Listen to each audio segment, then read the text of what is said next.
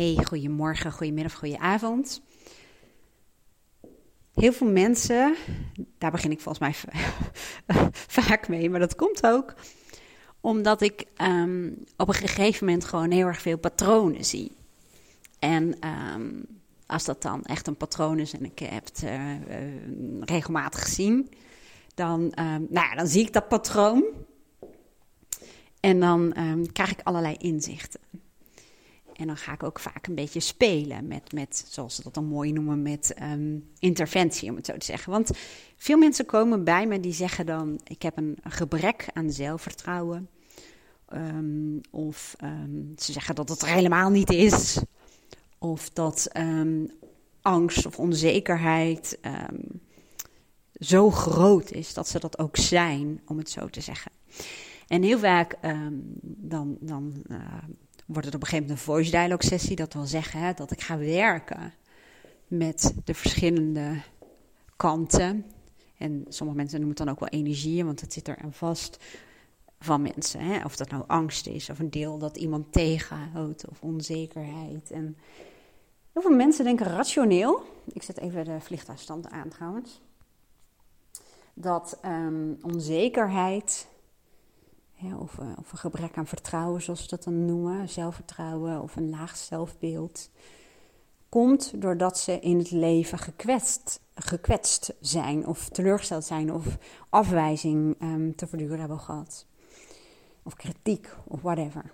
En dat, dat is heel vaak ook zo. Maar wat heel veel mensen um, van tevoren helemaal niet bedenken, is dat, dat is in mijn praktijk namelijk vaak voorgekomen, dat het soms ook iets kan zijn waarin jij niet per se gekwetst bent of kritiek hebt gekregen.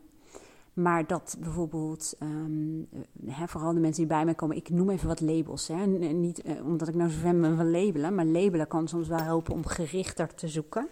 En om een beetje idee te krijgen van um, ja, wat voor soort mensen erbij me komen en hoe dat vaak werkt in je brein. Bijvoorbeeld hoogsensitiviteit, hè? mensen met een hoogsensitief brein, of dat nou gecombineerd is met hoogbegaafdheid of niet, dat doet er eigenlijk niet zozeer toe. Kan wel verschil maken, maar die nemen vaak dingen waar die een ander niet zo waarneemt, die dat brein niet zo georganiseerd heeft, om het zo te zeggen.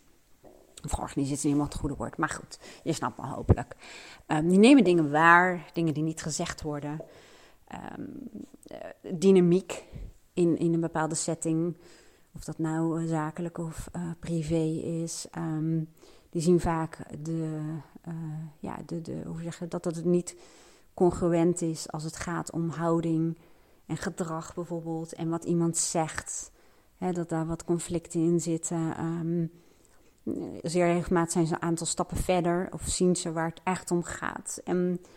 Als kind, uh, niet altijd, maar um, wel een beetje in het begin, dan zijn we vaak nog wat vrijer in het uiten bijvoorbeeld uh, daarvan. En um, bij veel van mijn klanten, en ik heb dat zelf ook wel ervaren, was dat op dat moment voor de ontvanger te intens of te overweldigend of misschien te doortastend of hè, op de zere plek of je treft iemands weerstand.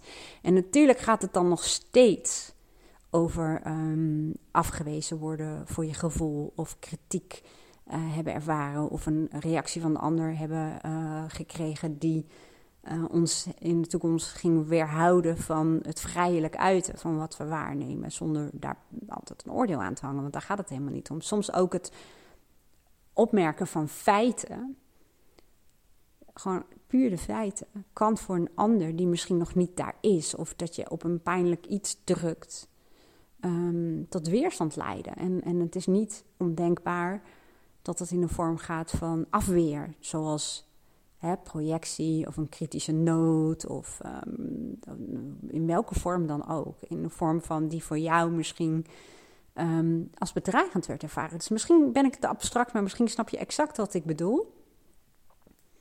Het is vers nu, want ik had nu weer waargenomen, zeg maar, tijdens een voice dialogue uh, sessie en um, dat bewustzijn, wat dan vaak ontstaat van, oh, Hè, mensen hebben het ook wel eens over in je grootsheid stappen of in je kracht uh, staan. Um, nou ja, dat soort dingen. Of in je licht gaan staan of wat voor termen mensen er dan ook voor hebben. En boektitels er ook zijn.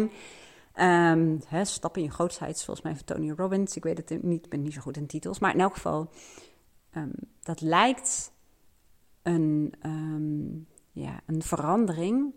Of eigenlijk is het vaak weer een terugverandering, maar dat even terzijde uh, die je uh, doet als je zelfvertrouwen hebt. Zeg maar dat je dat nodig hebt, of lef, of durf, of zelfverzekerdheid. En dat is vaak uh, ook wel waar. Maar er zit soms nog wel een nuanceverschil in, die in de uitwerking helemaal niet zo klein is. of je nou um, jezelf bent gaan inhouden doordat je uh, kritiek kreeg, of misschien um, anders dacht en deed dan dat bijvoorbeeld je ouders of wat dan ook van jou verlangden. He, doe maar normaal, doe je al gek genoeg, zullen we maar zeggen. Maar het kan dus ook zijn dat je met jouw, ja, soms puurheid, jouw wijsheid, vaak een vroege wijsheid, hè. Um, kindjes worden soms te intens genoemd of wat dan ook. Of, of ze zijn kinderen, mogen niet meer bemoeien of ze zien het niet zo. Als kind kun je met jouw wijsheid soms ook volwassenen ja, voor hun gevoel dan omverblazen. Dus dan leer je eigenlijk dat dat ongewenst gedrag is. En wat ik dan heel veel zie, dus bij mensen, bij klanten van mij dan, met name ook wel bij mezelf, dat je dan een beetje in de luwte gaat zitten. Dat je jezelf um, ofwel terugtrekt, of onzichtbaar maakt, of jezelf inhoudt, of jezelf gaat conformeren. En ik zie dat vooral veel terug, maar dat is dan meer een eigen ervaring. En ik wil dat niet koppelen aan uh, wetenschappelijke um, onderbouwingen, die er wel zijn overigens. Maar daar laat ik me eventjes, uh, dat laat ik even voor wat het is. Als ik kan bronnen gaan vermelden en dergelijke. Um, maar wel dat uh, vooral bij hoogbegaafdheid en, en heel vaak denken mensen dat um, hoogbegaafdheid bijvoorbeeld betekent dat je heel opvallend presteert, eh, overpresteert en dat het heel duidelijk is en dat je cognitief bijvoorbeeld heel sterk bent. Um, en dat is ook wel, maar hoogbegaafdheid is bijvoorbeeld echt wat anders dan hoge, hoge intelligentie. Mensen kunnen hoog intelligent zijn, maar niet hoogbegaafd zijn. Hoogbegaafdheid betekent dat je als een van de kenmerken ook hebt dat je hoog intelligent bent. Hè. Um, als je het wilt gaan meten, houden ze een IQ hoger dan 130 aan. Maar het heeft nog een hele verscheidenheid aan allerlei andere kenmerken, die niet bij hoge intelligentie voor hoeven te komen. En nou weet ik niet meer waarom ik dat zei, want ik koppelde dat aan een uh, kindje. Oh ja, aan um, het, het hoogbegaafde. Nou, ik wilde iets daarmee zeggen, maar ik weet even niet wat. En ik zie een beeld van me, van een klein meisje. Um, ik weet niet meer, maakt niet uit. In elk geval, ik vertelde dat ik het veel bij um, mensen met een hoogbegaafd brein zag. Maar ik weet nou niet meer, wat zag ik nou veel bij mensen met een hoogbegaafd brein? Ik zie zoveel bij mensen, maar wat zie ik dan heel veel? Nu ben ik dus even kwijt, wat ook wel interessant is, maar dat even terzijde. Zo werkt dat, dat brein dus ook. Ik ben dus ergens even op een andere weg gezet.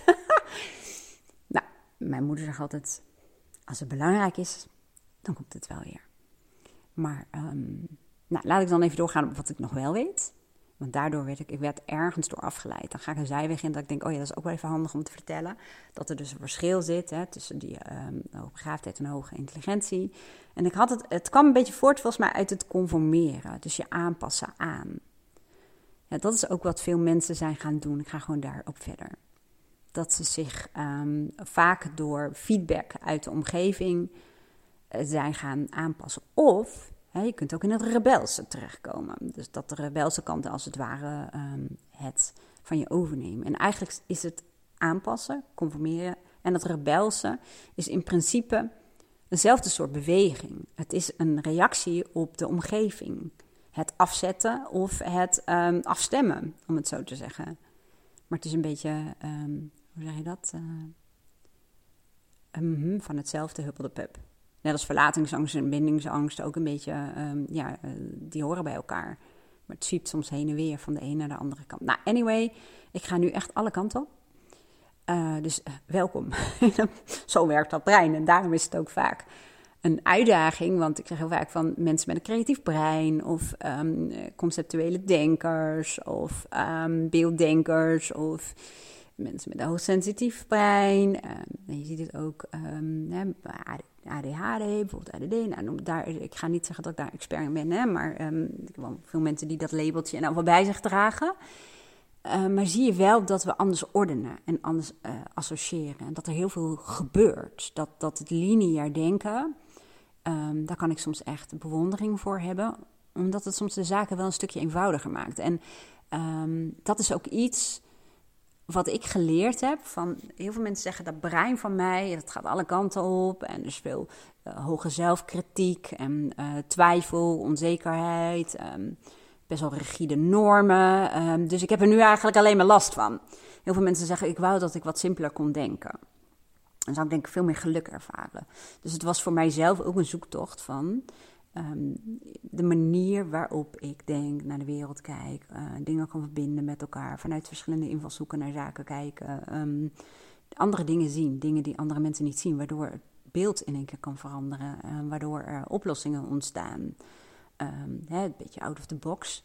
Dat, dat zou ik willen inzetten als positief punt. Maar het was met name heel veel jaren echt mijn valkuil. En, en het zat me gewoon uh, dwars. En daarvoor heb je ook wat mensen, um, wat dus niet mijn primaire uh, uh, aanpak is. Mensen die heel gestructureerd, lineair, logisch denken en, en redeneren, zullen we maar zeggen. Dat is waar mijn uitdaging um, in zit. En wellicht blijft dat ook wel zo. Want meestal met een kwaliteit is dat er een valkuil als je er te veel van inzet. Dus juist dat ordenen en uh, structuur houden.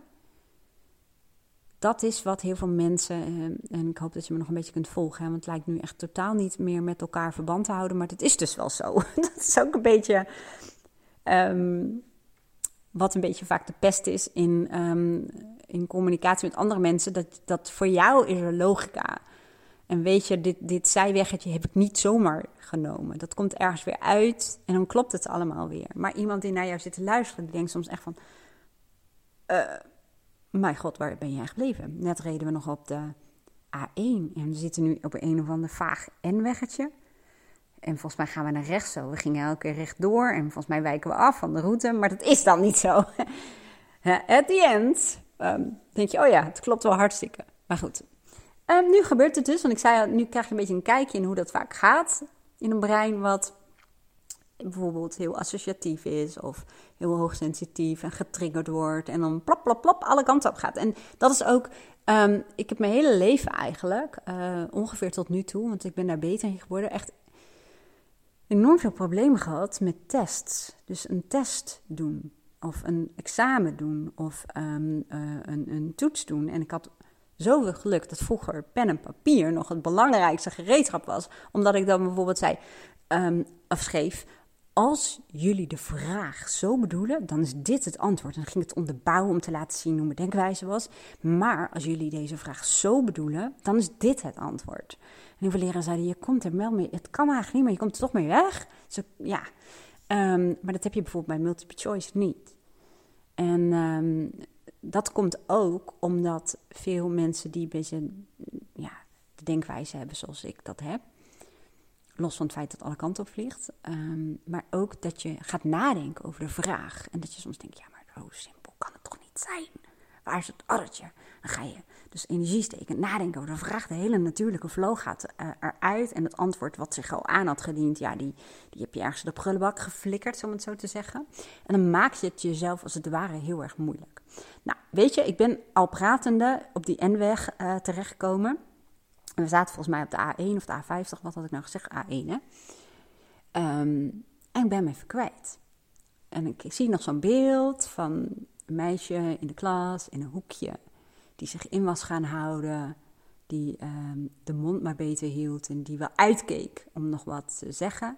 En het begin van de podcast ging natuurlijk heel erg over en misschien rapen we hem dan weer op en kan ik dan weer via een of andere afslag de invoegstrook naar de A1 nemen. Maar in ieder wel van um, dat um, bij heel veel mensen het idee is dat ze niet verder komen, of zich inhouden, of zich klein houden, of um, hun potentieel niet benutten, of niet in volle leven, of wat voor termen er dan vaak ook tevoorschijn komen doordat ze gekwetst zijn, bang zijn voor verlies of afwijzing.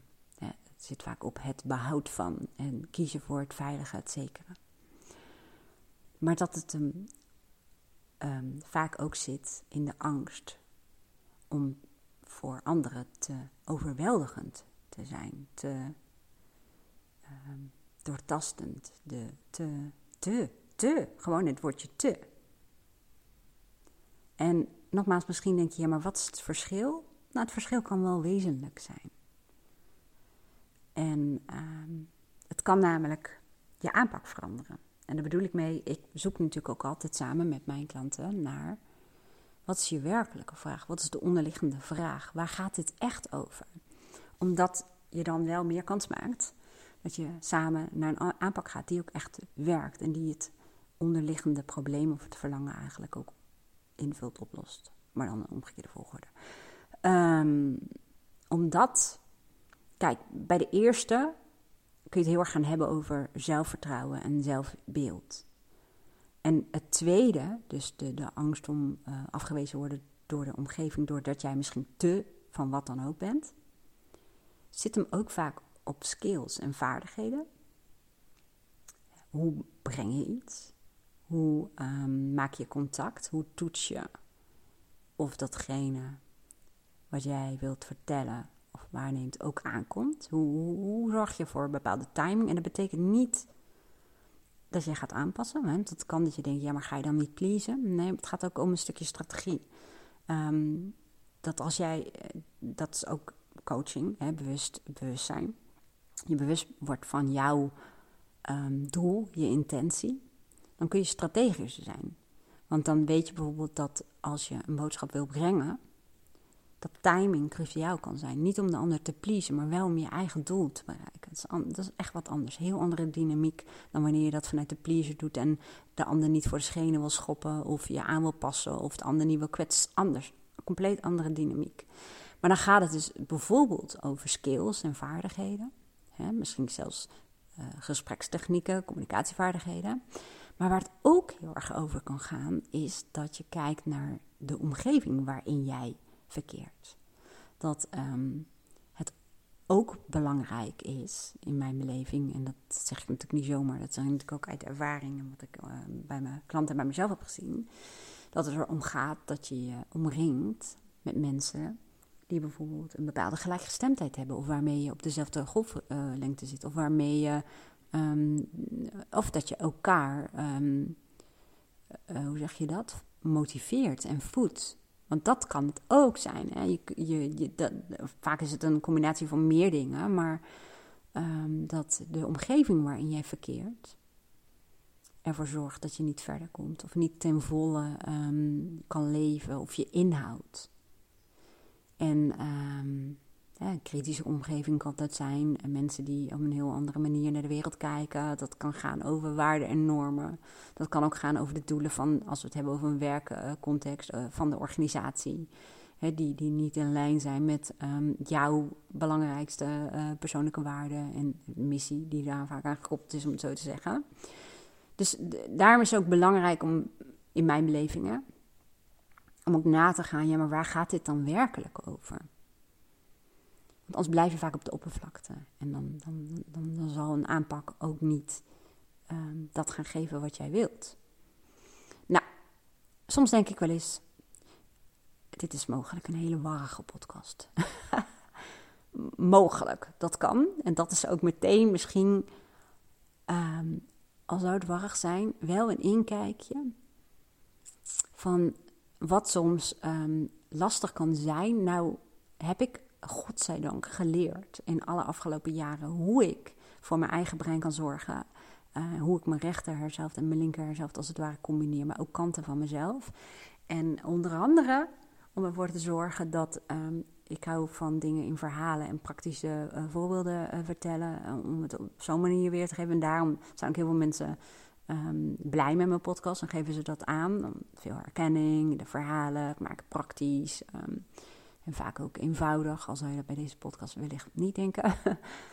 um, God, ik heb zo'n, er zit een deel in mijn studie inderdaad alle kanten op wil gaan.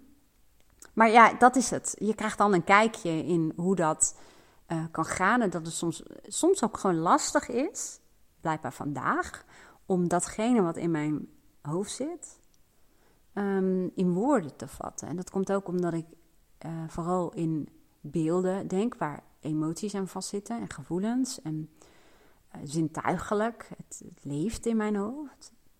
Um, het is ook niet altijd datgene wat er al is, dat je makkelijk kunt putten uit, uit, uit andere voorbeelden of kennis, ervaring, maar dat je het zelf moet uh, vormgeven en naar buiten moet brengen. Soms kan het lastig zijn. Ik weet nog wel dat een keertje toen ik um, uh, bij het kadaster werkte, in mijn rol als manager, dat iemand zei: Je raakt je mensen kwijt.